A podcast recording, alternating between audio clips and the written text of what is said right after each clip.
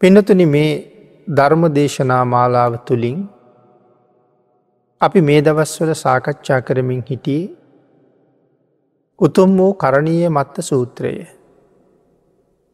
මේ සූත්‍ර දේශනාව ඇසුරු කරගෙන මීට කලින් ධර්ම දේශනා එකොළහක් අපි දේශනා කරන්නට යෙදුණ. අපි එහෙමනම් දොළොස්වනි ධර්ම දේශනාව සිදු කරමු කරණීය මත්ත සූත්‍රයේ තුන්වෙනි ගාථාවේ.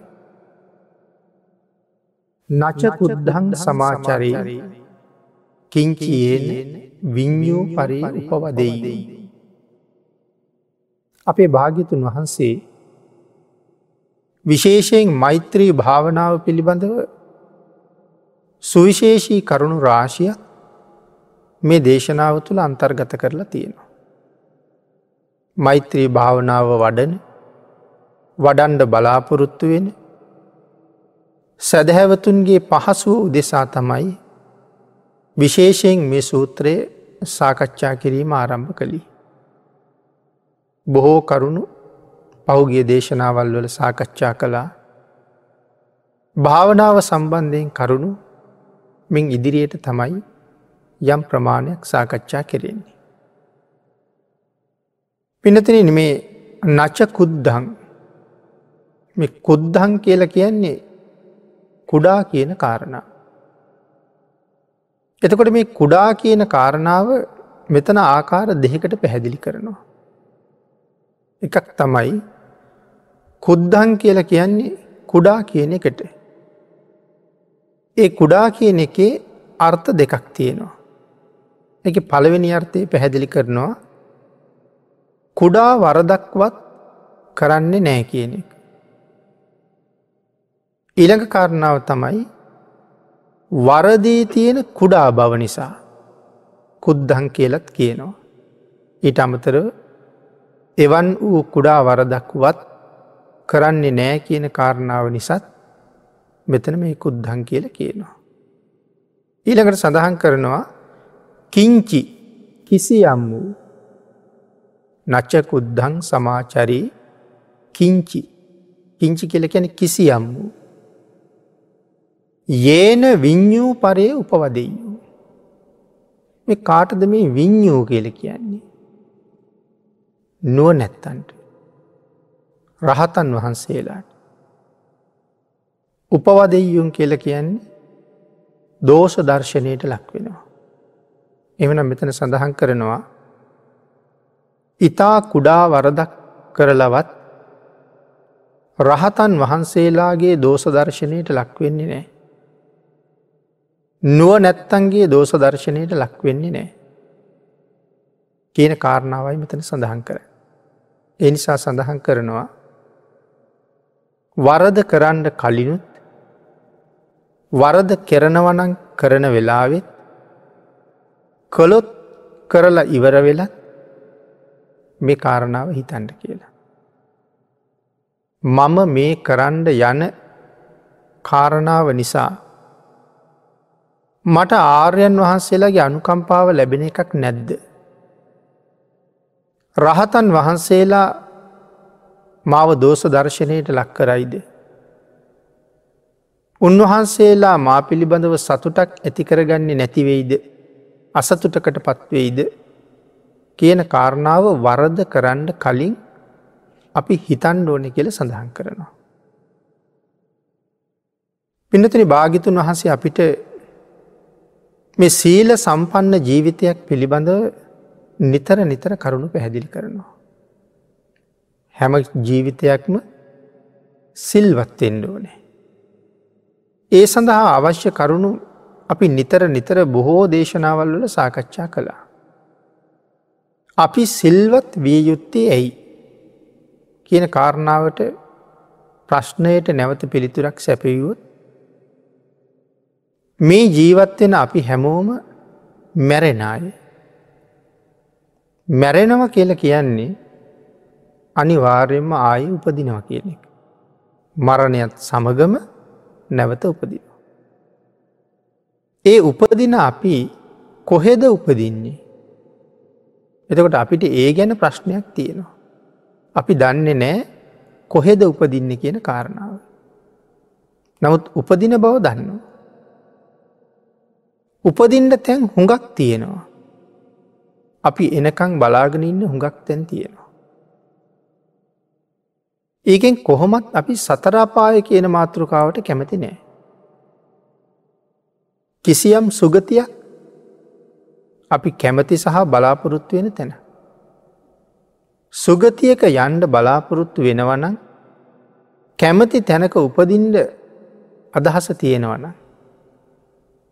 අපි ගව මේ මේ සීලය කියන ධර්මතාවේ තියෙන්ඩ ඕනේ. සීලයෙන් තමයි උපදින තැන තීරණය කරන්න. එතකොට අපි සිල් රකින ආකාරයේ පිළිබඳව ආර්යන් වහන්සේලා සතුටුද කියන කාරණාව තමයි මේ හිතන්ඩ කියල කිය. අපි සිල් සමාදන් වෙනවා. පංචසීලයේ නමුත් අපි දැනුත් සමාදන් වුණා. තොට මේ සිල් සමාදන් වෙනවා කියන එකයි සිල්පද කියවනවා කියන එකයි කාරණ දෙක. අර්ථය මෙනෙහි කරන්නේ නැතුව නිකම්ම කියන නිසා කියනවනං එකට කියන සිල්පද කියවනවා කියන. ඒකෙන් අපිට මහලොකු ලාභයක් ආරක්ෂාවක් ප්‍රයෝජනයක් සැලසෙන්නේ නෑ. සිල් සමාදන් වෙනවා කියල කියන්නේ පානාති පාතා වේරමණී සික්හා පදන් කෙල කියනකොට මම දිවි හිමියෙන් ප්‍රාණඝාතයෙන් බලකිනවා. කියන අදහස අපි තුළ නිරන්තරයෙන් නැගෙන්ඩෝනේ. ජීවිතයේ ගියත් ප්‍රාණඝාත කරන්නේ. අපේ භාගිතුන් වහස භික්‍ෂූන් වහසලට නං දේශනා කරනවා. කියතක් අරගෙන තමන්ගේ අතපය කපන පුද්ගලයට මෛත්‍රී කරන්න කියලා. ඒ කාරණාව කොච්චර වටිනවද තව තැනක භාගිතුන් වහස පැහැදිලි කරනවා. යමෙකුට එහෙම කරන්න බැරිනං. ඔහු තාම තතාගත ශ්‍රාවක භාවයට ඇවිල්ලනෑ කියලා. ඒ තරම්ම භාගිතුන් වහස මේ මෛත්‍රය ගැන කරුණු පැහැදිලි කරනවා. එමනම් දිවි හිමියෙන් සමාදන් වෙනවා කියල සමාදන් වුණාය තමන්ගේ ජීවිතය වෙනුවෙන්වත් ප්‍රාණගහතයක් කරලා නෑ. ඉතින් එවන් සීලයක් තමයි ආර්යන් වහසලාගේ කරන්නේ. තැන් අපේ පිඩතු නහල ඇති අර උතුරු වඩුන්නාවේ ගොවිය පිළිබඳව. තමන්ගේ ගවයු ටික හොයාගෙන යනකොට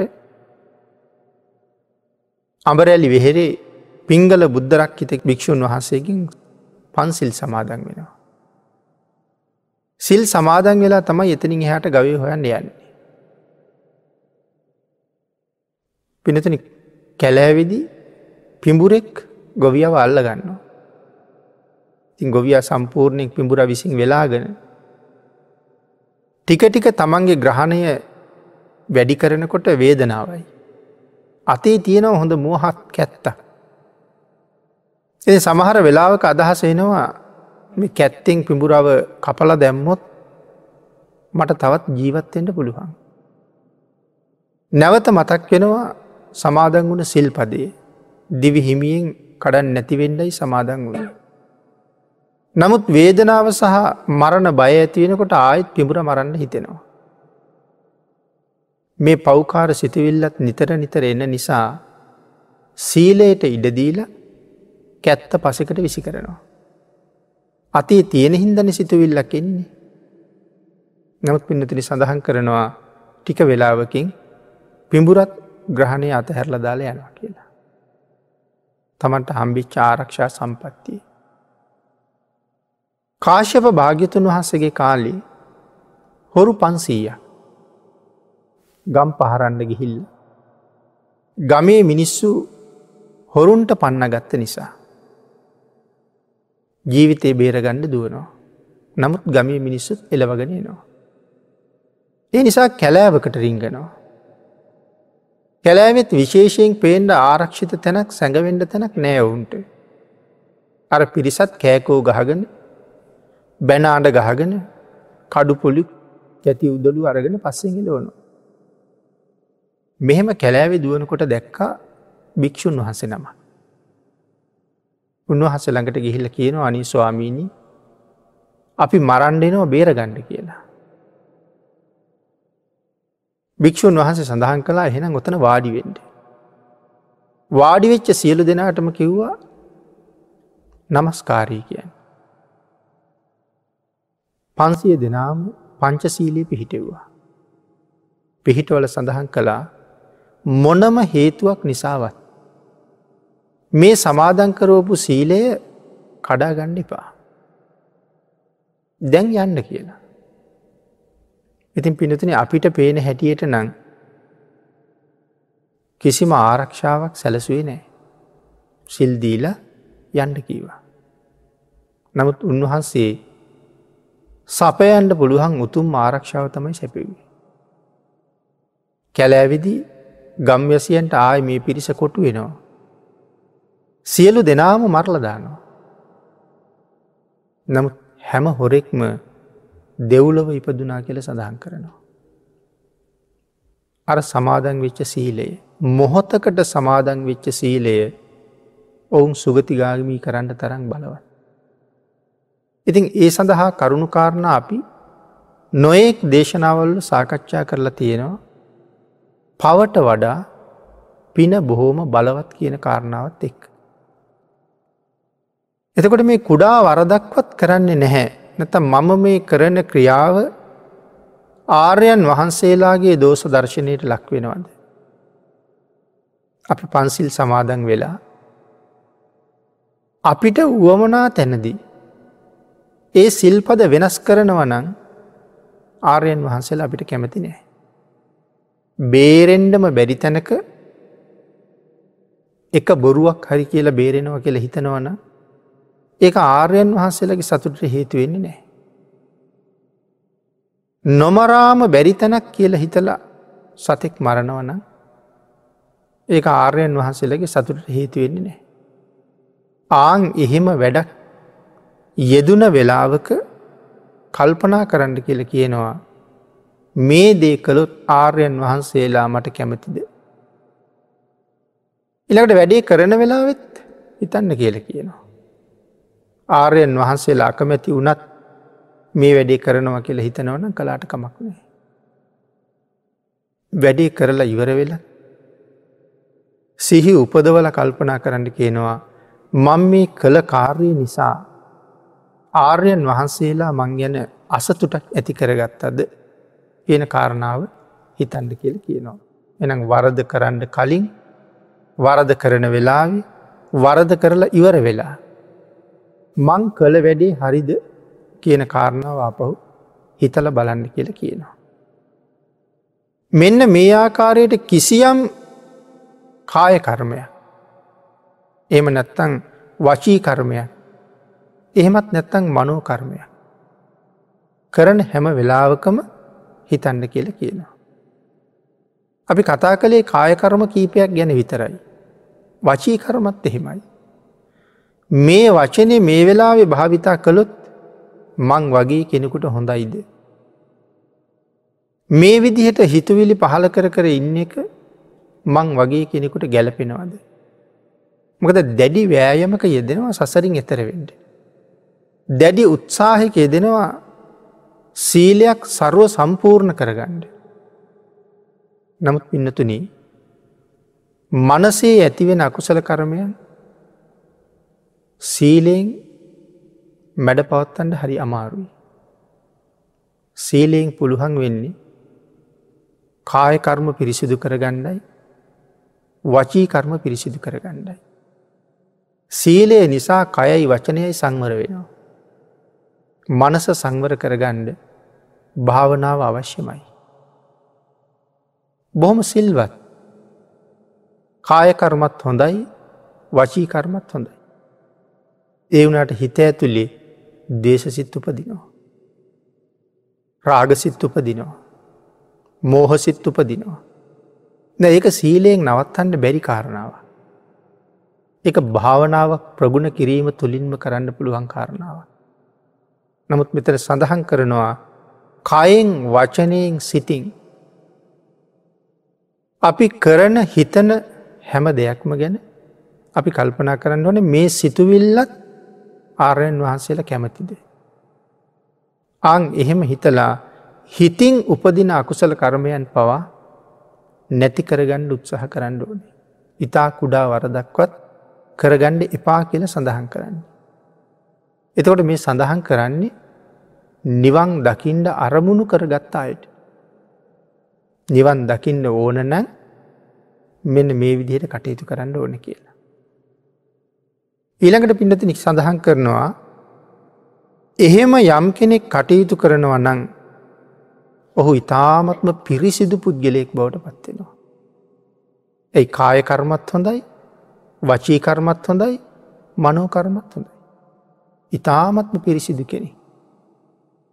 විඤ්ඥූ පරේ උපවදයු කියල කිවී එකයි මේ ආර්යන් වහන්සේලාගේ උපවාදයට ඔහු කවදාවත්ම ලක්වෙන්නේ නෑ. ආර්යන් වහන්සේලා තමන් පිළිබඳව සතුටට පත්වෙන වනන් අපිට අපි ගැන කොහොමත් සතුට. එහෙම ජීවිතයක් තමයි පෝෂණය කරන්න කියල කිය. සුකිනෝවා කේමිනෝ හොන්තු. සුකිනෝවා කියල මෙතන කියන්නේ සැපවත් වූ සිත් ඇත්තෝ වෙත්වා. ඉළඟට පින්නතුන මේ මෛත්‍රිය වඩන ආකාරයේ භාගිතුන් වහසේ මෙතන ඉඳල පැහැදිලි කරන්න පටන්ගන්නවා මේ සූත්‍ර දේශනාවේ. සුකිනෝවා කේමිනෝ හොන්තු සැපවත් වූ සිත් ඇත්තෝ වෙත්වා. පිනතන අපි මේ කාරණාව මුලින් පැහැදිලි කළා උතුම් වූ නිවන කරා යන පුද්ගලයෙක් තමන්ගේ කුසලතා වර්ධනය කරගත යුත්තේ කොහොමද කියන්නේ. පහුගේ දේශනාවල්වල ඒ සඳහා කරුණු පැහැදිලි කරලා තියෙනවා. නිවන කරා යන කෙනෙක් තමන්ගේ කුසලතා වර්ධනය කර ගතයුත්තේ කොහොමද. ඒ කරුණු පැහැදිලි කළා සක්කෝ උජූච කියන තැන ඉඳලා කුලේසු අනනු ගිද්ධූ කියන තැනට එනකා. ඒ පැහැදිලි කිරීම වඩාත් තහවුරු කළා තහවුරු කරලා සීමාවත් පැනෙව්වා. ඒ බව සඳහන් කළා නචකුද්ධං සමාචරයේ කිංචියේන විඤ්ඥූ පරී උපවදීයු. සීමාවත් පැනෙව්ව ඇතනීම කදද සීමාව ආර්යන් වහන්සේලා අසතුටු වෙන තැනට යන්නෙපා. හැම වෙලාම ආර්යන් වහන්සේලා සත්තුටු වෙන විදිහටම කටයුතු කරන්න උත්සාහ කරන්න කියලා. මේ සූත්‍රයේ අපේ භාගිතුන් වහන්සේ ඊළඟට පැහැදිලි කරනවා පින්නතින මෛත්‍රී කරන ආකාරය සුකිනෝවා අත්තානං පරිහරාමි. එමි සුකිනෝවා අත්තානං පරිහරාමි. සැපවත් වූ ආත්මයක් පරිහරණය කරමි. සැපවත් වූ ආත්මයක් පරිහරණය කරමි. බොහම දීර්ගෝ විස්තර කරන්න ඕන කාරණාවක්. සැපවත් භාවය. මෛත්‍රී භාවනාව පිළිබඳව කෙටි විස්තරයක් තමයි මේ සූත්‍රයෙන් අපි සාකච්ඡා කරන්න. දීර්ඝ විස්තරයක් මේ වචනත් එක සාකච්ඡා කළ යුතුයි. තමන්ට සහනය උදා කරගන්න හැටි. සැපය උදා කරගන්න හැටි කොහොමද කියන කාරණාව විශේෂයෙන් මෛත්‍රී භාවනාව පැහැදිලි කරනකොට දේශනා කරනවා. සැපය උදා කරගන්නේ කොහොම. මෙතන පැහැදිලි කරනවා අන්‍යයෝ සැපවත් වේවා තමන් සැපවත් වූ ආත්මයක් පරිහරණය කරනවා ඊළඟට අන්‍යෝ සැපවත් වේවා. මම යම්සේ සුවපත්වෙනවද අනිත් අයත් එසේම සුවපත්වේවා. කේමිනෝ හොන්තු ඇයි මේ කේමිනෝ හොන්තු කියල කියන්නේ.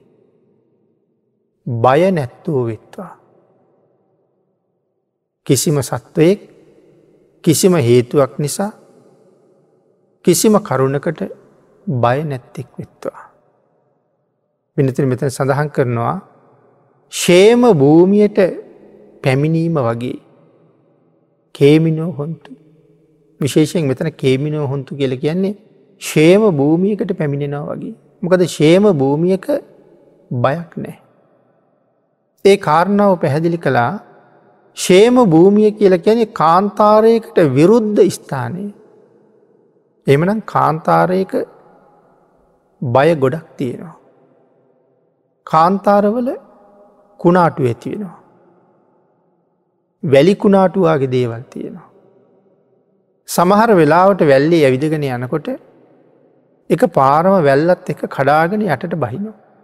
අපි ඉන්න තැන විතරක් නෙමෙයි අපි යටට යනකොට පලාතකම වැලි කඩාගෙන යටට යනවා. ආය ගොඩේ මේ ස්වභාවයක් නම් ඇත්තෙම නෑ වැලිවලට හිරවුණහම.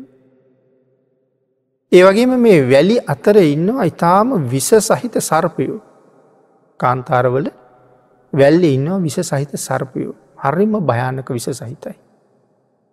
ඒ විතරක්ද නොවෙයි කාන්තාරවල ඉතා දරුණු ක්‍රමීන්ගේ ප්‍රහාරවලට ලක්වෙන්න සිද්ධව. මනුෂ්‍ය ගහනය ක්‍රාන්තාරවල හුඟ අඩුයි. මනුෂ්‍ය ගහනය අඩුවෙච්ච තැන අමනුෂ්‍යගයන්ගේ බලය වැඩි අමනුෂ්‍ය ගහනය වැඩි. කාං ඒ නිසා කාන්තාරවලදී මේ අමනුෂ්‍යයන්ගේ ග්‍රහණයට ලක්වෙන්ඩ පුළුවන්. ඒ විතරක් නෙමේ පින්නතුනේ කාන්තාරය කොහෙවත් අපිට ආහාර හොයන්ට හම්බෙන්නේ. යනවන ආහාර අරම්ම යන්ඩුවනේ. බීමට වතුරපොදක් කොහෙන්වත් හොයන්ට හම්බෙන්නේ. ඒ සියල්ලත් අරගනම යන්ඩුව නැත්තං ආහාර පාන පිළිබඳව බයක් තියෙනවා. ඒ විතරක් දෙනෙමෙයි කාන්තාරය මැදට ගියහම අපිට දිසාව හොයාගන්නත් බැරුවයනවා. යන්න කොහාටද යා යුත්තෙ කොහාටද සාගරයේ මැද්දට ගියා වගේම තමයි. ඒ නිසා දිසාව හොයා ගණ්ඩත් එහෙම යනාය උපකරන පාවිච්චි කරනවා. අං ඒවාගේ හැම පැත්තෙම හැම පැත්තෙම්ම බයක් මේ කාන්තාර තුළ තියෙනවා. නමුත් අපි සඳහන් කළා කාන්තාරයට විරුද්ධ පදය තමයි ශේම භූමිය. එතකොට ශේම භූමියේදී සතුන්ගෙන් කරදරයකුත් නෑ. අමනුෂ්‍ය බයකුත් නෑ. ආහාර පාන හිගයකුත් නෑ. එනිතා ඉතා පහසුවෙන් ජීවත්වෙන්න ලේසී ශේම භූමියක් තුළ. මෙන්න මේ විදිහට සියලු බය නැති නිසා තමයි ශේම භූමියක් කියලා ඒ භූමියට කිය. එනම් කේමිනෝ හොන්තු ශේමයට පැමිණේවා. නිර්භය ස්ථානයට පැමිණේවා කියන කාරණාව එයින් සඳහන් කරනවා. මම නිර්භයවෙම්වා. අන්‍යන්ට කියනවනං අන්‍යෝද නිර්භය වෙත්වා සඳහන් කරනවා මේ මෛත්‍රයේ වඩන තවත් එක ආකාරයක්. සබ්බේ සත්තා භවන්තු සුකි තත්තා. එම සඳහන් කරන්නේ සියලු සත්වයෝම සැපවත් වූ ජීවිත පරිහරණය කරන්නෝ වෙත්වා. සැපවත් වූ ජීවිත ඇත්තෝ වෙත්වා. පින්නතින මෛත්‍රී භාවනාව වඩන තවත් ක්‍රමය. මේ මේ සූත්‍රයේ මෛත්‍රිය පිළිබඳ උපදේශය පටන්ගන්නෙත් මේ පද දෙක ඇතුළේ. ඊළඟට පිනති සඳහන් කරනවා සබ්බේ සත්තා භවන්තු සුකි තත්තා සියලු සත්‍යයෝ සුවපත් වූ සිත් ඇත්තෝ වෙත්වා. සබ්බේ සත්තා කේමිනෝ හොන්තු සියලු සත්‍යයෝ බය නැත්තෝ වෙත්වා. ඉළඟට සඳහන් කළා සුකි තත්තා හොන්තු. මේ ආදි වශයෙන් ක්‍රම තුනක් භාගිතුන් වහන්සේ පැහැදිලි කරලා තියෙනවා. ඊළඟට විස්තර කරනවා මෛත්‍රී භාවනාව වඩද්දී මෙන්න මේ ක්‍රමවලින් එක ක්‍රමයක් අරගන අර්පනා මට්ටම දක්වාම වඩන්න කියලා. එක ක්‍රමයක් අරග. කාරණා කීපයක් පෙන්න ලතිනවා. හැබැ අපිට ගණ්ඩ වෙන්නේ මේ කාරණාවලින් එක ක්‍රමයයි.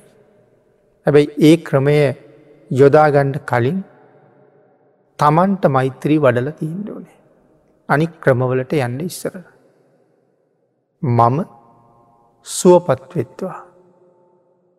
එම නැත්තං මම අවෛරී වෙම්වා. මම දුක් නැත්තෙක් වෙම්වා. තමන්ට ගැලපෙන විදිහට. එක කාරණාවක් අරගෙන අර්පනා මට්ටමටම වඩන්ඩි කියල සඳහන් කරනවා. එන්නතුනී ධ්‍යාන මට්ටමට එනකම්ම උපදේශය එපමනයි කියල සඳහන් කරන්නේ. අර්පනා මට්ටමට නැත්තං ධ්‍යාන මට්ටමට එනකම් උපදේශය ඉච්චරයි. ඉස්සරල තමන්ට වඩල තියෙන්න්න මෝනේ. තමන්ට සරුව සම්පූර්ණ වශයෙන් මෛත්‍රිය වඩලා නැත්තං අපිට අනිත් කාරණාවල් එකක්වත් සම්පූර්ණ කරන්න බැරුවෙන. සාමාන්‍යයෙන් අපි වර්තමානය දකින විදිහ සඳහන් කළු.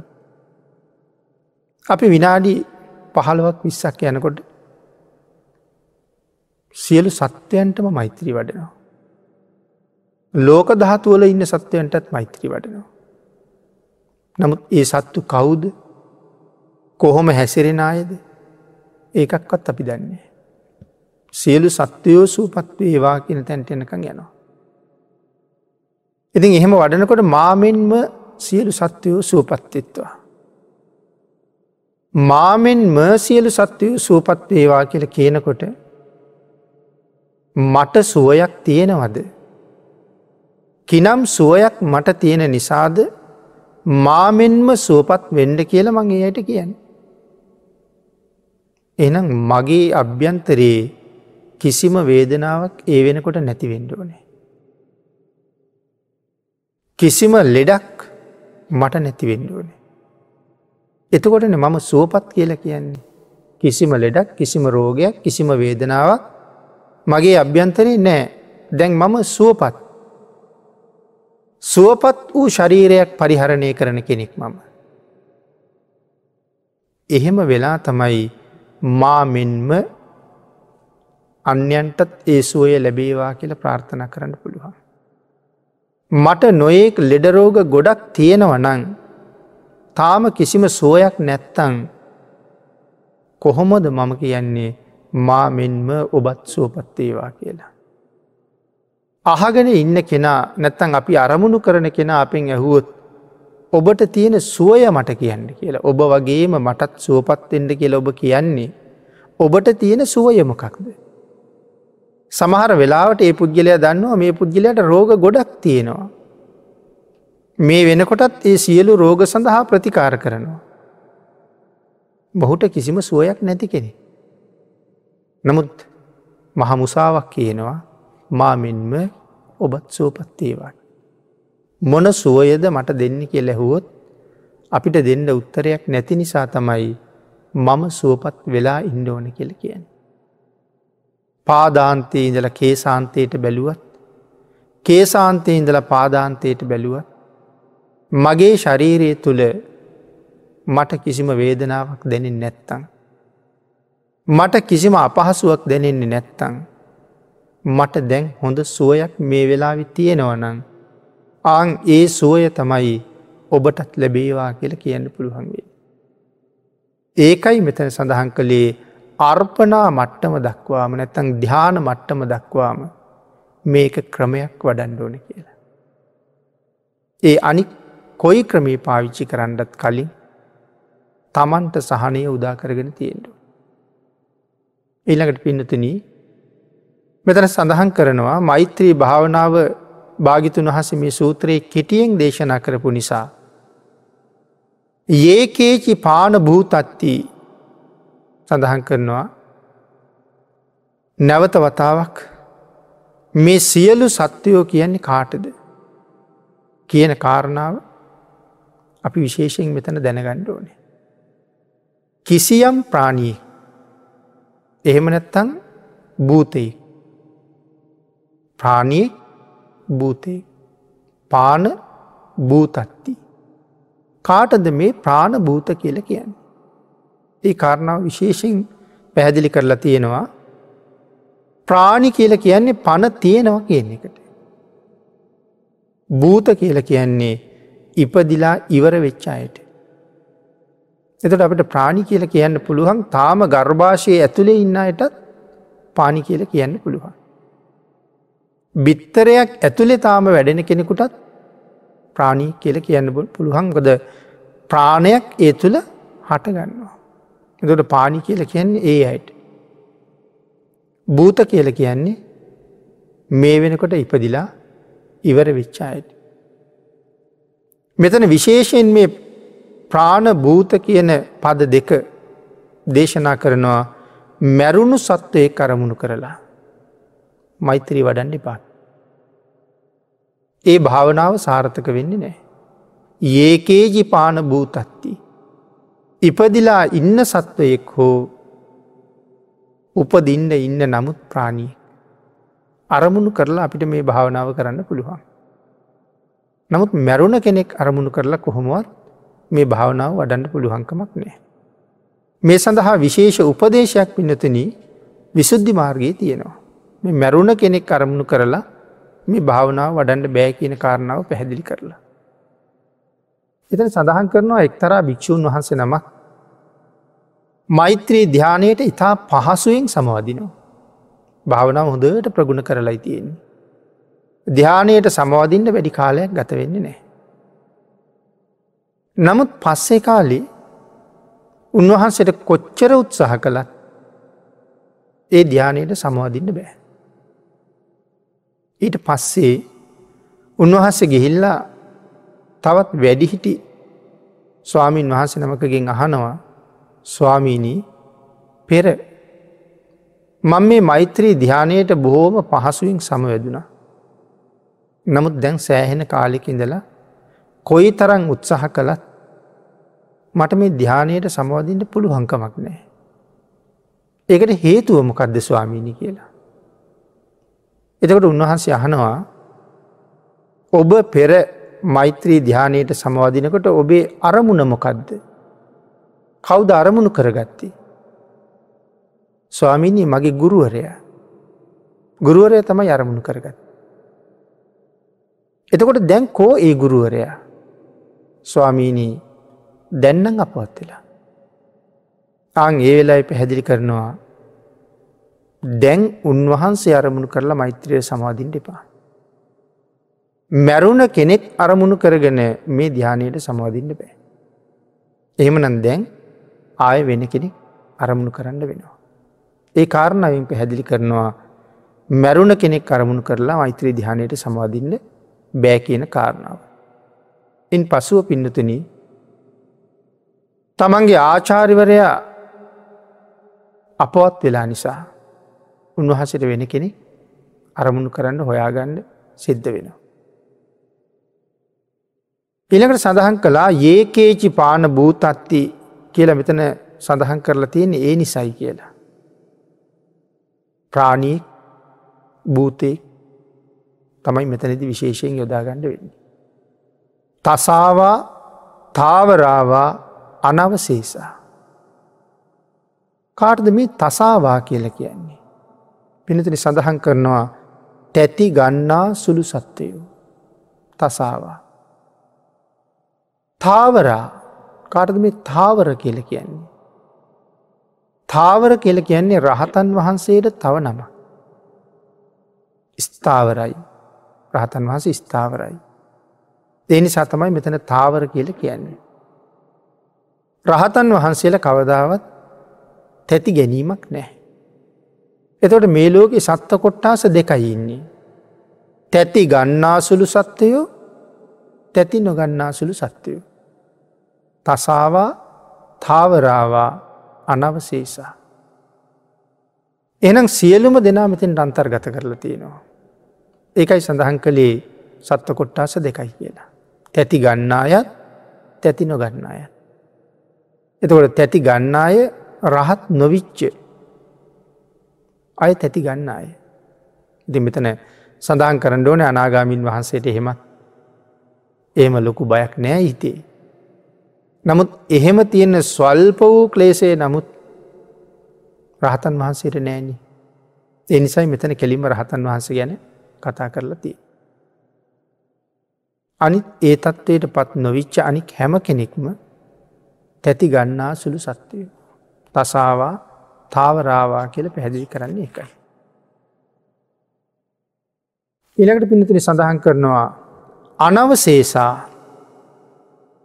ඉතුරු නොකරම සත්වයෝ ප්‍රබේද ගත කරලා තියෙනවා. අනවශේෂා ශේෂයක් නෑ ඉතුරු කරල නෑ සම්පූර්ණ සියලුම සත්‍යයෝ මේ තසාවා තාවරාවා කියන කාරණාව තුළ ප්‍රබේද ගත කරලයි තියෙන දැන් කවුරුත් ඉතුරු නෑ ඇයි ඉතුරු නෑ කියල සඳහන් කළේ එක්කෝ මේ ලෝකෙ ඉන්න සත්වයෝ තැතිගන්නා සුළුයි එමනත්තන් තැති නොගන්නා සුළුයි. තැති නොගන්නා සත්වයත් ඉන්නවා තැති ගන්නා සත්‍යයත් ඉන්නවා. ඔය කාරණා දෙකෙන් පරිබාහිර කවුරුවත් කවුරුවත් නෑ. එකයි අනවශේෂා ශේෂ නොකරම පැහැදිලි කරලා තියෙනවා කියල සඳහන් කරන්න. ඊළඟට සඳහන් කරනවා දීගාවා ඒ මහන්තාවා මජ්ජිමාරස්ස කානුක තූලා. පිනතින මෙතන තවත් ක්‍රමයක් බුදුරජාණන් වහස දේශනා කරනවා. මෛත්‍රී භාවනාවට. දීගාවා දීර්ග සත්වයෝ කවුද මේ දීර්ඝ සත්වයෝ කියල කියන්න එතකොට. උරග ගනයට අයිති වෙන සත්තු. එතකොට කබරගොයි තලගොයි කිඹුල්ලු මේ සත්තු අයිති වෙන්නෙත් මේ දීගාවා කියන සත්තු ගනයටම තමයි. මහන්තාවා මහත් වූ ශරීර ඇති අය.